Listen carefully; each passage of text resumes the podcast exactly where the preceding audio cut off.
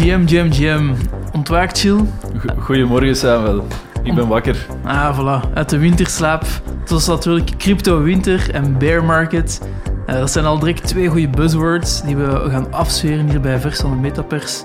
stond ook in de tijd onlangs, hè, de term NFT is toxisch geworden. En wij zeggen nee tegen toxiciteit. Daar doen we niet aan mee. Misschien, Gilles, moeten we iedere keer dat iemand een buzzword gebruikt, geld leggen in het potje en dan kunnen we op het einde van het seizoen er iets mee kopen. Ja. Een of andere JPEG. Een leuke JPEG voor, uh, voor de collectie. Zou leuk zijn. Zou leuk zijn. Ik ben Samuel en ik zit hier met mijn co-host Gilles. En welkom bij Vers van de Metapers. Vers van de Metapers.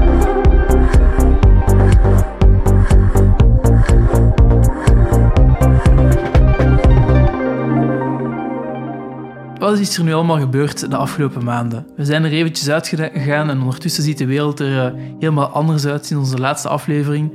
Plots heeft uh, de Bitcoin-blockchain bijvoorbeeld ook NFT's. Er zijn interessante ontwikkelingen in het loyalty-landschap. Er zijn uh, meer grote bedrijven die de space zijn binnengaan. Er is een, een serieuze dip gekomen. FTX bestaat niet meer. En um, gaming kent ook heel interessante wendingen um, de afgelopen periode. Dus daar ga je het allemaal over hebben tijdens onze, tijdens onze nieuwe aflevering in de podcast. Yes. Dat lijkt wel dat er een paar jaar voorbij zijn gegaan, maar dat is, dat is ook gewoon de Web3-manier. Uh, elke paar maand is, is uh, op turbo. Um, vergelijkbaar met een jaar in een, in een normale industrie, denk ik. Dus zeer spannend. Inderdaad, want Gilles, er zijn niet alleen veel zaken veranderd in de cryptowereld, maar ook met uh, vers en Metapers, is er iets veranderd of gaat er iets veranderen? Ja, exact. We gaan um, rebranden. We gaan het onder, onder de vlag van Web32 steken. Um, Web32, ons, ons evenement dat we gedaan hebben in Antwerpen in, in juni, maar nu ook een, een mediatak aan, aan gaan knopen, waaronder ook onze podcast gaat vallen. Dus um, ja, leuke vooruitzichten. Ja, inderdaad. We willen dus van Web32 een breder concept maken, waarin ook niet, ja, ja, dagdagelijks of wekelijkse content uh, rond educatie, rond merken, rond inspiratie van Web3 komen. Een sterk educatief uh, merk maken. En dus daarom uh, ja, is het wel logisch om onze podcast onder Web 32 te, te, steken. Yes. En misschien ook al een tipje van de sluier. Het evenement komt er ook dus weer aan. we kunnen al zeggen dat het in najaar gaat ga zijn um, van 2023. Um, maar voor de rest gaan we er nog, nog lekker over zwijgen totdat het helemaal rond is en klaar om te lanceren. Misschien uh, om te beginnen enkele marktupdates van de, van de afgelopen periode. Het is natuurlijk geen, uh, geen volledige lijst, maar de highlights. En de, het, is, het is bear market. Hè. De, dat betekent dat um, de prijzen naar beneden zijn gegaan, de, de energie is naar beneden, de toeristen zijn terug vertrokken en de, de settlers, de, de builders, die blijven. De, de hype is ook naar AI gegaan. Het is, uh, het is niet meer Web3 NFT's, maar AI. Het is een, een heel opvallend fenomeen dat er, dat er echt, uh, van de, zeker uh, op LinkedIn, um, heel veel personen die, die echt um, evangelist in Web3 waren, zijn nu evangelist in, in AI. Um, dus, dus leuk om die te zien vertrekken en, en de, allee, minder energie aan te moeten verspelen en de juiste bouwers over te houden. En zit jij nu ook AI-specialist? Ik ben geen AI-specialist, maar ik gebruik wel graag af en toe ChatGPT. inderdaad, ja, ja, inderdaad, ik ook. Uh, ik vind het heel interessant AI, maar we blijven toch uh, vooral gefocust op Web3. En, uh, Absoluut. En Genoeg te doen in, in, Web3. Had je trouwens um, geld staan bij FTX, Gilles? Uh, ik zelf niet, nee. Ik uh, ken wel wat mensen die, die um, een beetje getroffen zijn door, door FTX. Uh, het is een heel spijtig verhaal. Ja, FTX is een soort van bank, maar dan een cryptobank. Hè? Een, een platform waar je cryptomunten kon kopen. En ja. FTX heeft, ze hebben fraude gepleegd, het management, en zijn failliet gegaan. En dus inderdaad, al het geld dat de mensen hadden bij die bank, zijn ja. ze kwijt. Er zijn heel veel mensen door getroffen. Maar het is ook spijtig dat, dat uh, FTX uh, meteen ook aan, aan heel onze industrie uh, gekoppeld wordt. Um, ik denk um, één ding dat enorm naar voren gekomen is terug, is not your keys, not your coins. Um, dat is heel duidelijk gebleken. En um, ga eens uitleggen voor de gemiddelde ja, luisteraar? Dus FTX is eigenlijk een platform dat gebruikt wordt om te traden. Uh, heel veel mensen die in crypto investeerden, dachten dat ze uh, eigenaar waren van hun crypto. Uh, maar stond eigenlijk gewoon op een platform um, waar eigenlijk weinig... ah ja, het platform is, is, is eruit gegaan. Um, ze hebben daar een beetje rare toestanden gekend met, met het geld van de, van de investeerders. Uh, andere investeringen gaan doen, um, waardoor eigenlijk de, de eindgebruikers en vooral de, de retailgebruikers, de kleinere gebruikers, uh, getroffen zijn en hun crypto hebben zien verdwijnen. Waar ja. zij van dachten dat ze eigenaar waren. Dus dat gaat weer een lang proces zijn voor hun, voor, voor het uh, ooit terug te zien, als ze het überhaupt gaan terugzien. En ook de, ja, de blockchain Solana bijvoorbeeld, waar, waar FTX ja. een grote ja, supporter van was, heeft ook klappen gekregen. Hè? De, de prijs heel erg naar beneden gegaan. Ja. Dus um, dat was wel natuurlijk een groot... Allee, een verhaal waar veel aandacht naartoe is gegaan de laatste, de laatste tijd. Maar um, gelukkig zijn er ook andere, nieuwe, toffe dynamieken opgedoken in deze, in deze bear market. Zoals open editions, Jules? Ja, inderdaad. Um, het is, allee, het is zo'n... We, we spreken vaak van metaplays in, in de Web3-space. Uh, een bende degens die, die van het een naar het ander springt. Um, een nieuwe dynamiek dat zo opgekomen is, um, maar waar wel dan ook weer een interessant um, ja, gevolg aan gekoppeld wordt, zijn die open editions. Dus het is ook uh, vandaag veel eenvoudiger voor als artiest zelf NFT's te maken met je eigen smart contract. Uh, op een platform als Manifold bijvoorbeeld. En misschien, wat is een, uh, wat is een open edition? Ja, dus dat, dat je eigenlijk gewoon voor een korte termijn um, je artwork lanceert op een platform. Uh, mensen kunnen het dan minten als NFT, die geïnteresseerd zijn. En na een bepaalde periode wordt het afgesloten. Dus het is echt uh, een korte, korte termijn dat je iets van een, van een kunstenaar kunt verzamelen. Er zijn een paar grote namen ook opgesprongen, uh, leuke digitale artiesten. Um, een bekend platform, Visual, Visualize Value van Jack Butcher, die, die ook redelijk gekend is buiten de Web3-wereld. Um, heel, heel herkenbare Instagram met zo uh, heel simpel in, in afbeeldingetjes uh, bepaalde, ja, hoe moet ik het zeggen, value dingen uitgestippeld, uit, uh, uitge, allee, getoond. Um, die, die dan eigenlijk ook zijn checks heeft gedaan. Het, het iconische um, vinkje van, van Twitter, als je geverifieerd bent op Twitter. En daar eigenlijk een heel, een hele storytelling journey rondgebouwd heeft met zijn open editions. Uh, dus dat was een free mint. Dan, um, ja, er zijn heel veel mensen opgesprongen die dat is uh, in prijs serieus omhoog gegaan ook. Dus uh, dat was een, cool, een coole periode. Ja, het interessante aan die open editions is ook denk ik dat vroeger was, was de dynamiek of, of de regel bij NFT's, ja, je moet een collectie doen van 10.000 stuks en die verkopen aan een bepaalde prijs. En nu plots was de, was dynamiek van nee, we gaan gratis dingen, um, open edition, ook niet per se een, een, een, vast aantal, maar gewoon tot een bepaalde periode kunnen mensen gratis kunstwerk um, kopen. Want tijdens de kerstperiode zijn, hebben veel bekende kunstenaars een gratis, um, een gratis editie gewoon laten minten. En, en dat, is, ja, dat is een soort van nieuwe ja, marketing tool ook, hè, die, die bedrijven en artiesten kunnen gebruiken om zo bekendheid te genereren, een community op te bouwen. En vandaar dan, dan verder te gaan. Um, dus dat was inderdaad wel interessant. En het wordt inderdaad, dankzij Manifold en andere tools, makkelijker en makkelijker voor, voor artiesten en voor merken om, om die, die wereld te betreden. En dat is misschien ook wel een, een tweede grote lijn die we, die we kunnen highlighten in, en die, die meer naar boven is gekomen de afgelopen periode in die, uh, in die bear market. We zien dat mensen aan het bouwen zijn, oplossingen zoeken voor problemen. En zo het convenience stukje, makkelijker maken van ja, de wereld van Web3 te betreden, is wel, um, ja, daar is wel sterk aan gewerkt, hè? Ja, exact. Er zijn um, heel veel nieuwe dingen uh, op komst. Um, zo is er ook um, gelanceerd tijdens ETH Denver, een grote Ethereum-conferentie, dat er een nieuwe standaard is uitgebracht, ERC 4337 voor, voor de geïnteresseerden. Maar eigenlijk basically komt het erop neer dat, dat het uh, veel gemakkelijker gaat zijn voor, voor mensen om een wallet aan te maken, om uh, daar ook mee te, te handelen. Dus bepaalde zaken zoals social recovery. Dat je, allee, wij, moeten altijd uh, nu twaalf woorden neerschrijven, de seed phrase, uh, voor, voor een wallet aan te maken. Als je die twaalf woorden kwijt bent, zeg je wallet kwijt. Dat is niet echt de toekomst van Web3 voor, voor de mainstream gebruiker. Uh, dus nu gaan daar van alle systemen mogelijk zijn. dat je met je social accounts eigenlijk een wallet aanmaakt, die je dan kunt recoveren. Um, via bepaalde mensen die je kunt aanduiden ook. Um, ook met je, je, social accounts gewoon. Uh, maar dat dan toch gedecentraliseerd blijft en waar de, de digitale tokens uh, in de wallet ook echt van u zijn. Dus uh, ja, zijn, zijn mooie vooruitzichten. Ja, inderdaad, want die, ja, nu is het gewoon nog heel moeilijk als je je moet die 12 woorden altijd bij je houden om, om toegang te krijgen tot je wallet. En er is geen centrale hulpdienst uh, van de blockchain waar je naar kunt bellen.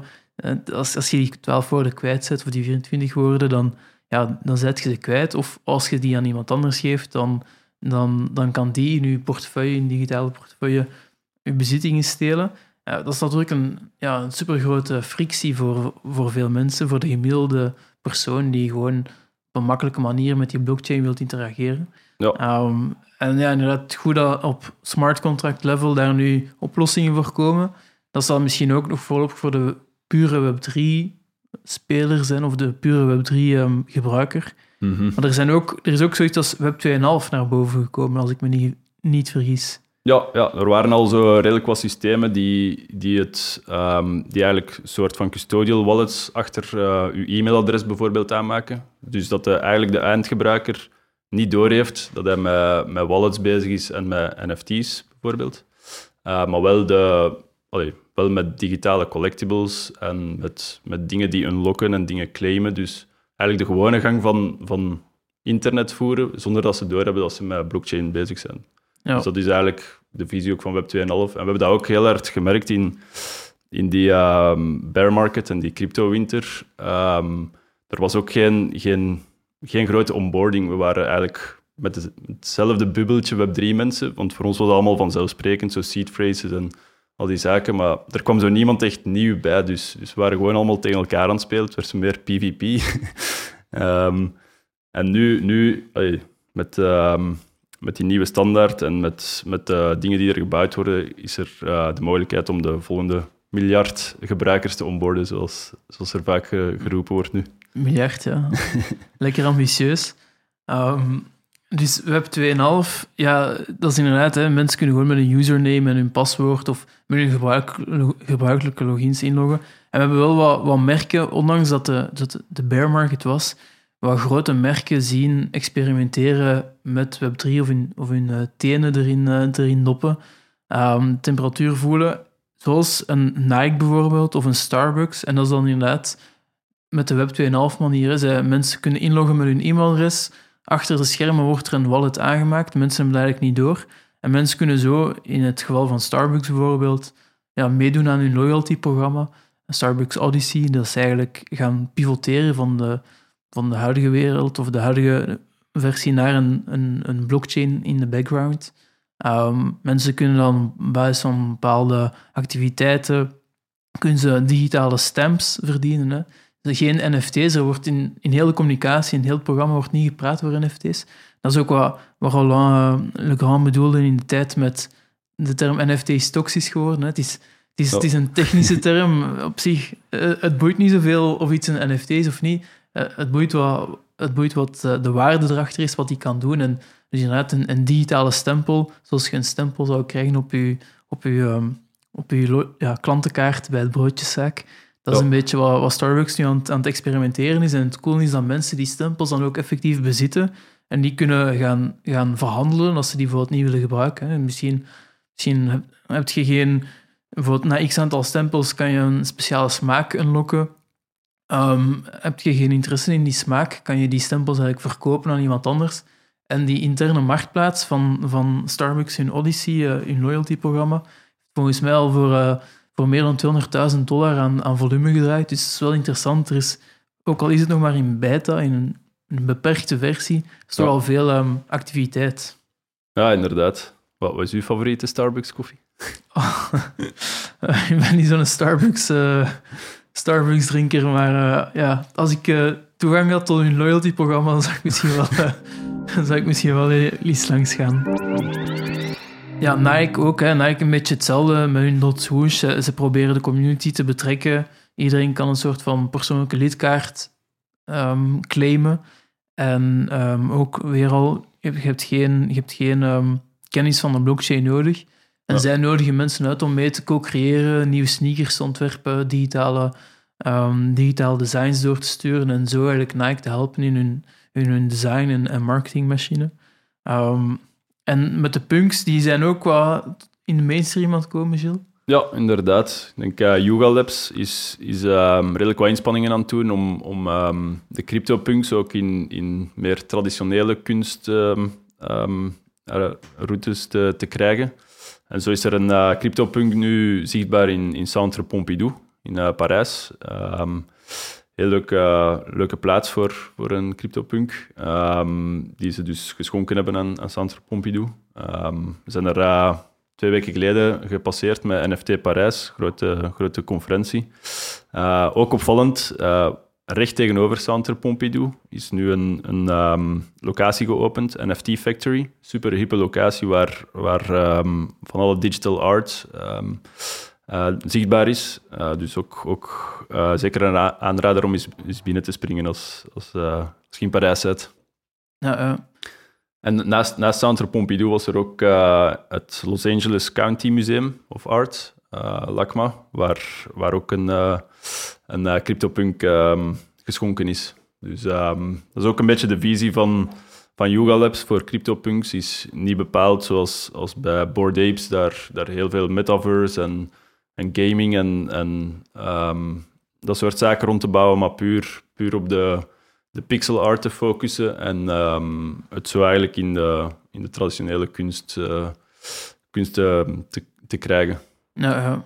ja en wat ik wel interessant vind aan die beweging van Centre Pompidou en uh, LACMA, en ik denk dat MoMA in, um, ja. in New York heeft aangekondigd dat ze 70 miljoen dollar aan traditionele kunst gaan verkopen om ja, digitale art, te, dus NFT's, te kunnen kopen daarmee. Um, is dat, dat is eigenlijk ook een validatie voor, voor digitale kunst. Hè. Als, als die grote musea aangeven dat dat interessant is, dat ze dat willen ophalen, ophangen, dat ze dat willen in hun permanente collectie steken, ja, dan er was lang, zeker vanuit de traditionele kunstwereld, een beetje kritiek van iets dat op computer gemaakt kan worden, is niet per se kunst. Ja. ja, nu, is, nu is het wel een validatie voor de space en dat is wel, ik denk, uh, ja, als we dan een beetje uitzoomen, wel een uh, heel, interessante, heel interessante dynamiek. Ja, en die NFT is dan het medium dat dat heeft toen kunnen versnellen, eigenlijk, die, die interesse in digitale kunst. Dus ja, inderdaad. Dankzij die NFT heeft, uh, heeft een digitaal kunstwerk waarde. Ja. Uiteindelijk, wat, betaalt, wat bepaalt de waarde van, van kunst of van, van eigenlijk alles in de wereld? Dat is vaak scarcity, schaarste. Ja. Als er 10.000 Mona Lisa's waren in de wereld, zou, die, zou de Mona Lisa ook niet zoveel waard zijn. Maar er is er maar één en die hangt in het Louvre.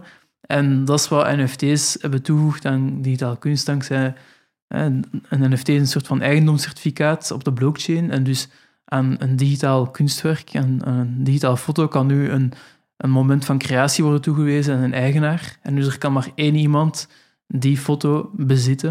Er kunnen ja. meerdere kopieën van bestaan, net zoals er meerdere kopieën van de Mona Lisa bestaan, maar er kan maar één eigenaar zijn. En dat is het, ja, dat is het uh, ja, interessante inderdaad, wat NFT's Dus misschien toevoegen. toch niet zo een toxische term dan. gaan... ja, ja, de vraag is, ja, is, NFT, is het NFT of digitale kunst? Allee, over wat praat je het best? Het gaat, het, gaat, het gaat grappig zijn als we binnen een paar jaar terugkijken. Um, ik heb ooit een vergelijking gelezen van dat eigenlijk nu een periode is dat we, dat we lyrisch aan het praten zijn over bijvoorbeeld pdf's. Dat is gewoon iets wat, wat iedereen gebruikt, maar, maar waar, waar allee, dat gewoon een gebruiksmiddel is. De, allee, ja, ja, ja. Een medium voor, voor op het internet. Ja, ja, het is een uh, NFT's gaan waarschijnlijk hetzelfde zijn. Niemand gaat nog praten over NFT, maar over digitale kunst, over collectibles, over memberships, over... Noem maar op. Um, maar het zijn NFT's gewoon. Wat, wat, ook wel interessant is, in die, in die grotere beweging van, van merken die, die binnenkomen, is dat nu ook de, allee, de, de grote ja, dataspelers, om het zo te zeggen, hun, uh, hun intreden aan het doen zijn. En Spotify is ermee aan het experimenteren met token-gated playlist. Amazon zou, um, zou binnenkort een, uh, een, een, marketplace lanceren. Het is nog niet zo duidelijk of ze dan of ze echt een, een marketplace willen lanceren voor NFT's, of, of dat ze hun huidige ja, voorwerpen, die op de, hun huidige producten, die op, de, op hun eigen marketplace worden verkocht, ja. of ze daar NFT's aan willen koppelen als een soort van digitaal aankoopbewijs of zo. Dat is, een beetje ja, voer voor speculatie. Ze Ja. lossen er zelf niet veel op, maar het is wel ja, interessant dat die twee, ja, Amazon en eh, Spotify, ehm, nu recent ook binnenkomen. Ja, ja, ik kijk vooral uit naar, naar Amazon ook, eigenlijk. Dus ehm, ehm, ja, heel benieuwd. Uh, omdat uh, we hebben al een voorbeeld gehad met Coinbase, die een NFT-marktplaats ging, ging starten voor, voor, uh, een heel groot, voor een heel groot aantal gebruikers dat ze hebben. Uh, maar dat was een totale flop. Dus, dus nu Amazon, ook enorm groot aantal gebruikers uh, in e-commerce. Um, als zij daar ergens een, een, categorie digital assets gaan toevoegen aan hun marktplaats, wat voor effect gaat dat hebben op, op NFT's in het algemeen? Dus wel allee, leuk om naar uit te kijken. Wat, wat allee, spannend gewoon. Ja, Interessant. inderdaad. inderdaad. Langs de andere kant, uh, inderdaad, zoals bij Coinbase, dacht iedereen, dit, dit wordt het, oh. het grote adoptiemoment. En het bleef uit, dus... Um, ja, we, zullen moeten afwachten wat het gaat doen. Maar Amazon ja, is dan gekend om te focussen op de, de consument, daar ja. obsessief rond te bouwen. Dus ja, ho hopelijk doen ze het goed en, uh, en kan het, uh, kan het inderdaad breder adoptie um, toevoegen. Ja, inderdaad. Zijn er nog merken waarover je wilt praten die zijn, die zijn binnengekomen de afgelopen periode sinds onze laatste aflevering? Of? Het is, het is uh, ook alweer een tijdje geleden uh, ondertussen, maar Porsche hebben we ook gezien. Dat is misschien ook wel een interessante om even aan te raken. het automerk Porsche, die um, eigenlijk hun NFT-collectie gingen lanceren, 10.000 stuks aan een veel te hoge prijs. Um, ze, ze, ze, het waren een soort membership tokens die dan um, ja, money can buy experiences gingen, gingen voorzien.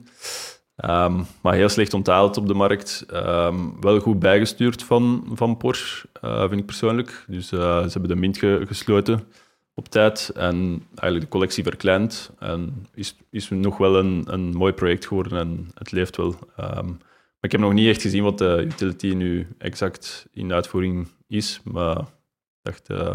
Ja, ik denk dat je bijvoorbeeld onder andere in Francorchamps dan naar zo track days kunt komen en ja. Um, ja, kunt gaan racen met, uh, met, de, met die auto's. Um, alleen, dat is, dat is dan een deel ervan. Maar, uh, maar inderdaad, het is wel een interessante case van hoe het, ondanks dat ze wel goede, zich goede Web3 advisors hadden op, leek het, maar er zal waarschijnlijk niet naar zijn geluisterd. Mm -hmm. hoe, het, hoe het eigenlijk helemaal verkeerd is gaan. En het werd eigenlijk als een soort van ja, cash grab um, aanzien. Hè. Wat, wat we daarmee willen zeggen is dat uh, werd aanzien als een merk dat plots gewoon op korte tijd veel geld wou verdienen, zonder veel waarde terug te geven. Um, maar ze hebben zich heel goed herpakt, ze hebben, ze hebben bijgestuurd, ze hebben beter beginnen communiceren. En ondertussen is inderdaad de, het project wel goed vertrokken, lijkt het. Hè? Ja, inderdaad.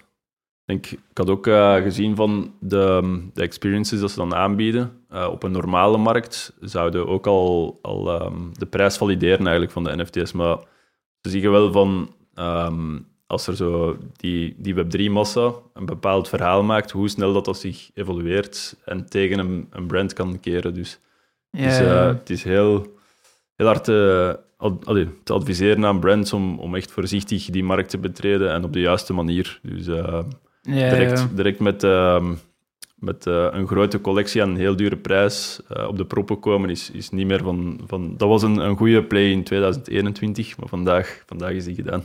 Uh, ja, inderdaad, de, de space evolueert. En in, in het begin had je zo die first mover advantage.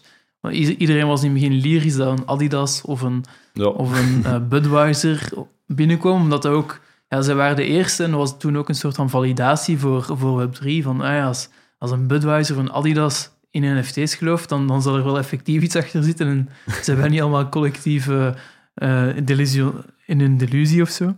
Um, maar, maar nu ondertussen is die validatie wel al deels gebeurd door veel bedrijven en, en moet je inderdaad uh, meegaan. En daarom is een, een strategie als bedrijf heel belangrijk. Hè? En, allee, je hebt eigenlijk ja, strategische partners nodig, zoals uh, allee, uh, bijvoorbeeld hè, wat wij met OG ook doen, OG Studio, waar wij merken in begeleiden. Ehm, maar voor wie gaat je? Gaat je voor die Web3 native um, kopers van je NFT-collectie? ja, dan moet je inderdaad zien dat, je, dat heel je project Web3 native is, dat je mee bent met die narrative van u dat je niet als een, als een cash grab wordt weggeschreven, want als de community, zoals gezegd, zich tegen u keert, dan is het heel moeilijk om te recoveren. Of gaat je voor de, de niet-Web3 native uh, kopers en maakt je alles zo, zo makkelijk mogelijk, zo instapklaar mogelijk. Uh, maar het zijn twee totaal andere aanpakken. En het leek zo soms dat dat Porsche wat de Web3-kopers wou doen, allee, wou, wou binnenhalen, maar ze, ja, ze niet echt Web3 value gaf of zo. En, en dat ze wat tussen die twee werelden uh, vastzaten. Ja, exact. Misschien een bedrijf dat die Web3-wereld voorlopig wel perfect snapt. Uh, Yuga, Gilles. Ja. Wat is daar het laatste met, nieuws van? Met de Bitcoin NFT's. Jee. ja, ja, dus inderdaad... Dat is inderdaad misschien wel nog een eerst een groter verhaal. Bitcoin heeft NFT's. Um. Ja, ah ja, het waren, het waren, ja, ze zijn ook met hun gaming natuurlijk, maar misschien even eerst die Bitcoin NFT's. Daar ben ik wel enorm enthousiast over. Uh, uh, niet iedereen in de space is er even enthousiast over, omdat het, uh, het lijkt wel echt een hype play van Yuga, uh, wat ook, ook wel um, een beetje zo lijkt. Maar vind het gewoon echt een, een heel cool nieuw fenomeen. Hoe dat, het is, Bitcoin is lang heel stil geweest. Um, weinig, er, er, waren, er waren mensen projecten op Bitcoin aan het doen, maar zat, zat heel ver onder de radar. En uh, sinds Lightning Network, wat enkele jaren terug um, even een hype was, uh, was er zo niet echt iets nieuws. En nu is er eigenlijk de, zijn er de Bitcoin Ordinals gekomen. Uh, een manier eigenlijk om, om NFT's te doen op Bitcoin, op de blockchain. Um, en daar vind ik echt het, het coole. een NFT bestaat normaal uit, uit twee delen. Dus, dus de, de token op de blockchain die dan verwijst naar een mediafile dat ergens opgeslagen wordt. bij die Bitcoin Ordinals is dat allemaal uh, in de blockchain. Dus die, die verwijzing is er niet, het zit echt in die, in die chain. En dat klinkt nu vaag, maar het is wel, het is wel iets, iets heel cool en denk ik dat ook zijn toekomst gaat hebben. Dus, dus de, de media wordt rechtstreeks in de blockchain geschreven, terwijl dat bij Ethereum of andere blockchains niet zo is. Dat kan, dat kan ook op uh, Ethereum, maar de, de meest gebruikte manier is, is om naar een decentrale opslagplaats te verwijzen. Dus IPFS of, RW of zo. Um, terwijl het in Bitcoin redelijk puur is. Um, dus um, heel, allee, om even dieper in, op in te gaan. Um, Bitcoin bestaat uit, één Bitcoin bestaat uit 100 miljoen Satoshis. Dat is de kleine, kleinste eenheid van een Bitcoin. en op één, zo één Satoshi die kan nu uh, media dragen. En uh, daar wordt eigenlijk, uh, inscriptions noemt het ook, daar wordt dan eigenlijk een, een afbeelding of een kunstwerk in weggeschreven die dan eigenlijk voor altijd op die blockchain zal blijven leven. Dus die is onuitwisbaar.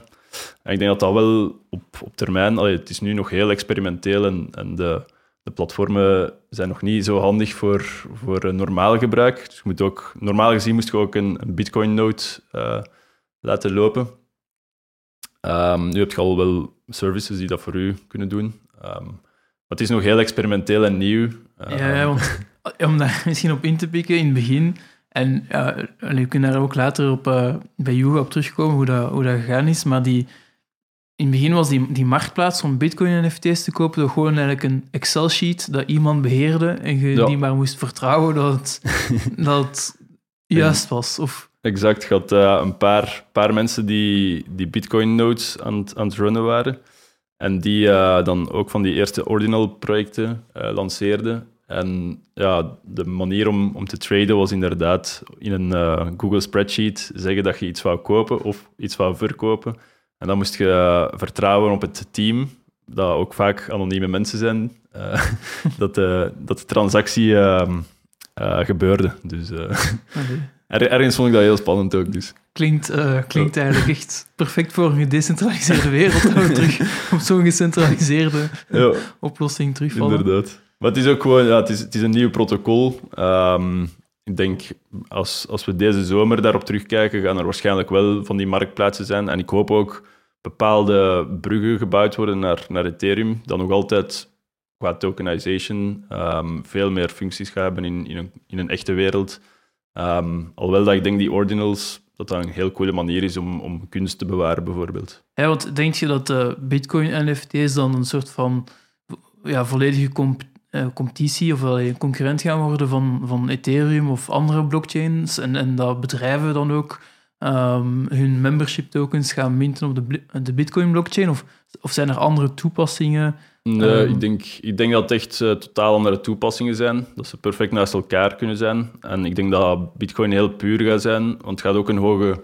Het is een, het is een hoge kost om, om een inscription te doen. Uh, Ik denk dat het gemakkelijk 40 dollar kost. Ehm, en ik denk dat echt heel puur uh, certificaten wegschrijven of digitale kunst wegschrijven en dat, dat kunnen bewijzen. Ehm, maar alles van wat smart contracts op Ethereum kunnen, daar, daar zie ik niet, niet echt een meerwaarde in, omdat Bitcoin ook te beginnen nabouwen allemaal nu. Dus, ja, ja. dus de, de bedrijfstoepassingen, ja, um, metaverse-toepassingen zullen vooral dan op het Ethereum... Token gating, memberships, al die heel coole structuren en zo, dat, dat, zie ik, dat zie ik niet direct op Bitcoin gebeuren. Ja, uh, ja, ja, wel interessant, want Bitcoin werkt dan ook niet met smart contracts, als ik het goed begrijp.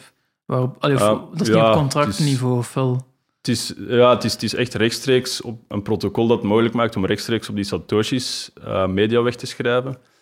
Um, ik denk, allee, ze spreken denk ik ook soms wel van smart contracts, maar dat is in een andere context als, als de smart contracts dat wij goed kennen van, van op een Ethereum blockchain, waar, ja, waar je smart contract gebruikt om bepaalde toegang te geven aan, uh, waar een hele NFT-collectie ook vaak in hangt, waar je toegang geeft tot, tot bepaalde dingen op het internet. Dus een, een heel andere manier, denk ik. Ja, maar het is nog uh, zien waar het naartoe groeit. Uh, ja, kan nog alle kanten uit, denk ik. Maar natuurlijk, wel heel slim is, um, Yuga Labs, de, de, de makers van, de, van de Board Apes en de, uh, ondertussen een gigantisch bedrijf, heeft vrij snel op die hype kunnen inspelen. Ze, ze, zijn eigenlijk meesters in een soort van het bespelen van die attentie- uh, of aandachtseconomie. Hè. Ze, waar de aandacht is van de mensen, daar zijn ze heel goed in om, om daar direct een product voor te lanceren en, en die aandacht om te zetten in, in, geld, in hype en dan in, in geld. En dus ze hebben nu een, uh, een collectie gelanceerd, uh, 12 volt, ja. op, uh, op de Bitcoin blockchain. 300 um, NFT's, waarvan er 288 geauctioned zijn. Um, en daar hebben ze 16 miljoen mee opgehaald. Dus. Ja, ja. Oh, het, is, uh, het is zo een, een oh, het is echt zo'n quick play op de hype springen op het juiste moment. Maar ja, het blijft toch, toch Yuga die, die toch een hele grote impact heeft op heel die, die markt. En, en uh, het is ook interessant dat het eerste project is dat ze op een, op een andere chain ook doen uh, dan ja. Ethereum. Alhoewel ze hebben ook op Polygon ooit een asset gehad, maar en, dat is verwaarloosbaar. en, en denk je dat ze dan bijvoorbeeld ook de, de Board Apes en de CryptoPunks op uh, de Bitcoin blockchain gaan deployen? Of, of hoe moeten we dat... Ik, ik denk dat Yuga daar effectief over aan het nadenken was om uh, een systeem op te zetten dat, dat CryptoPunks hun eigen punk ook onder uh, Yuga-vleugels op de Bitcoin blockchain kon inscriben. uh, als een makkelijke zin klonk. maar, maar dat je inderdaad als, als uh, eigenaar van een CryptoPunk op, op, um, op de originele CryptoPunk blockchain, um, Ethereum dus, dat, dat ook kunt eigenlijk um, zetten in de, in de Bitcoin blockchain. Dat, dat je daar ook eigenlijk je spot een beetje vastklikt. Ja, maar ze gaan, zijn daar vanaf gestapt? Of? Nee, dat, dat waren eh, gesprekken die bezig waren. Um, alleen weet ik niet of dat ze het effectief gaan doen of niet. Uh. We praten wel vaak over yoga en er is veel goed en, allee, ik veel goed en veel slechts over zeggen. Um, maar ze slagen er wel altijd in om, om, om te blijven innoveren. Zoals nu weer met die Bitcoin-NFT's. Maar ook in, in gaming zijn ze Allee, er is veel te doen rond, rond uh, of het nu echt wel innovatie is of niet. Ja. Um, ik zal misschien eerst uw take uh, eens laten zeggen, Gilles, want jij werd wel heel fan van hun laatste spel dat ze dan hebben gelanceerd, de ja. Dookie Dash. Um. Ja, maar ik, ik weet niet of het altijd zo rond, rond innovatie draait, maar ze, ze, ze spelen heel slim met de, met de tech die er, eruit komt en ze zitten er altijd um, redelijk sterk op. En ze weten hoe, dat ze, hoe dat ze de de attention kunnen, kunnen houden van heel veel mensen. En ook, ook eigenlijk nieuwe mensen in de markt kunnen, kunnen trekken daarmee. Uh, zo, zo is er met die, met die game, um, de Dookie Dash, Dookie Dash sorry. um, een soort game waar je, waar je in een riool... Um, ja, het, het, type game is zo'n infinite uh, runner, zo. temple run van vroeger. Ja, ja. Dus dat je blijft gaan en je moet alle obstakeltjes ontwijken, maar dan was het een, een soort riool waar je uh, ja, van alle items die daarin rondzweven uh, moest ontwijken en dan een paar punten vangen. Um, en zo zo ver mogelijk moest geraken. En is eigenlijk een, een uh, professionele gamer, een Fortnite-gamer, Mongraal, um, die op 76 ehm, Fortnite-toernooien uh, 706.000 dollar aan prijzengeld heeft gewonnen. Die dan nu echt full op die, die game van um, Yoga Labs is gesprongen. Uh, had ook een token nodig om die game te mogen spelen. Dus had ook qua investering uh, nodig. Uh, maar die heeft, dat, die heeft dus de nummer 1 spot op het einde van, van die periode dat die game live was gehaald. En daar eigenlijk een gouden sleutel NFT mee ge, ge, gewonnen. Die um, in het verhaal van Yoga een enorme waarde in de toekomst gaat hebben. Ja. Dus nog speculeren wat die waarde gaat zijn. Ja, want we misschien even kaderen. Inderdaad, al de, de Board Ape uh, holders die kregen, ons, kregen een sleutel uh, ja. gedropt. En om een, dat spel pas, te kunnen ja. spelen, moest je, moest je die pas hebben. Um, en je score werd genoteerd.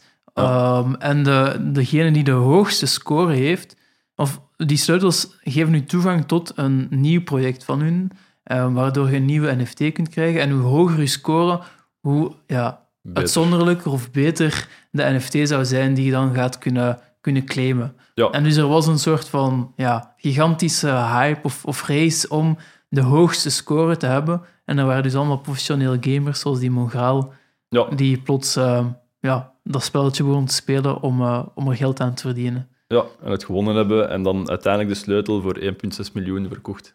Ja. dus uh, crazy eigenlijk.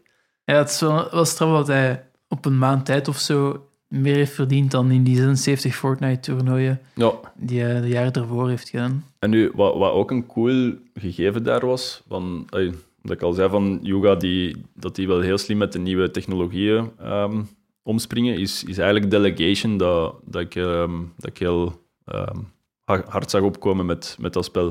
Dus het was eigenlijk mogelijk om met, met je wallet, waar die pas in zat om dat spel te mogen spelen, eigenlijk andere wallets aan te duiden die het in uw plaats mogen spelen. Dus dat, dat creëert dan een systeem dat, dat je eigenlijk gamers kunt aanwerven als bedrijf om, om voor u de competitie aan te gaan.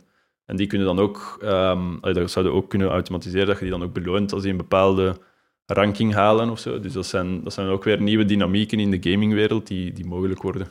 Ja, want, want het probleem is natuurlijk dat die, um, als je zo'n een board ape hebt of zo, of, of zo'n zo'n zo'n um, NFT van het spel, dat is redelijk veel waard. En ja, als je dat in bepaalde wallets steekt, kunnen die natuurlijk um, ja, vatbaar zijn voor fraude, allee, voor, um, voor, uh, voor diefstal. Hè. Ze kunnen gehackt worden en dan, dan zet je dure NFT's kwijt. Ja. Dus de oplossing is dat je eigenlijk aantoont dat je die NFT hebt, maar met een, een andere wallet eigenlijk de toegang tot dat spel krijgt, zodat als die wallet dan gehackt wordt, je originele NFT niet kan, uh, niet kan gepikt worden. Ja, exact. Dus het is inderdaad uh, beide. Dus voor securities delegation cool en ook voor, voor mensen uh, in uw plaats te laten te spelen. Ja, want ik had gezien dat er ook inderdaad dat er zo wat ja, gaming agencies werden opgestart. Zo'n zo start-up die, die 20 gamers vertegenwoordigde. En die zei van, ja, betalen ons zoveel en wij garanderen nu um, 10.000 of 100.000 punten. Ja. En dat je eigenlijk zo inderdaad je plaats op de rangschikking zo wat kon kopen. Ja. Um, wat, wat misschien in sommige mensen hun ogen fout is, maar wel ja, een, een, een nieuw businessmodel is in, in het gaminglandschap. Ja. E-sports is een grote industrie en een groeiindustrie nog altijd. Dus, dus ja, het is interessant dat die twee werelden elkaar beginnen te vinden nu met zo'n concepten. Dus ik denk dat er nog veel van die, die dingen gaan komen. Voilà, ik denk dat we ongeveer bij het einde van onze eerste aflevering zijn. Of niet, niet onze eerste, maar onze, sinds, de, sinds de hertake.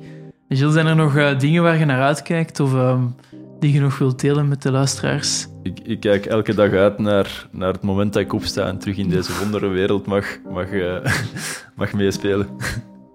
en uh, voor de luisteraars zou ik hetzelfde aanraden. Oké. Okay.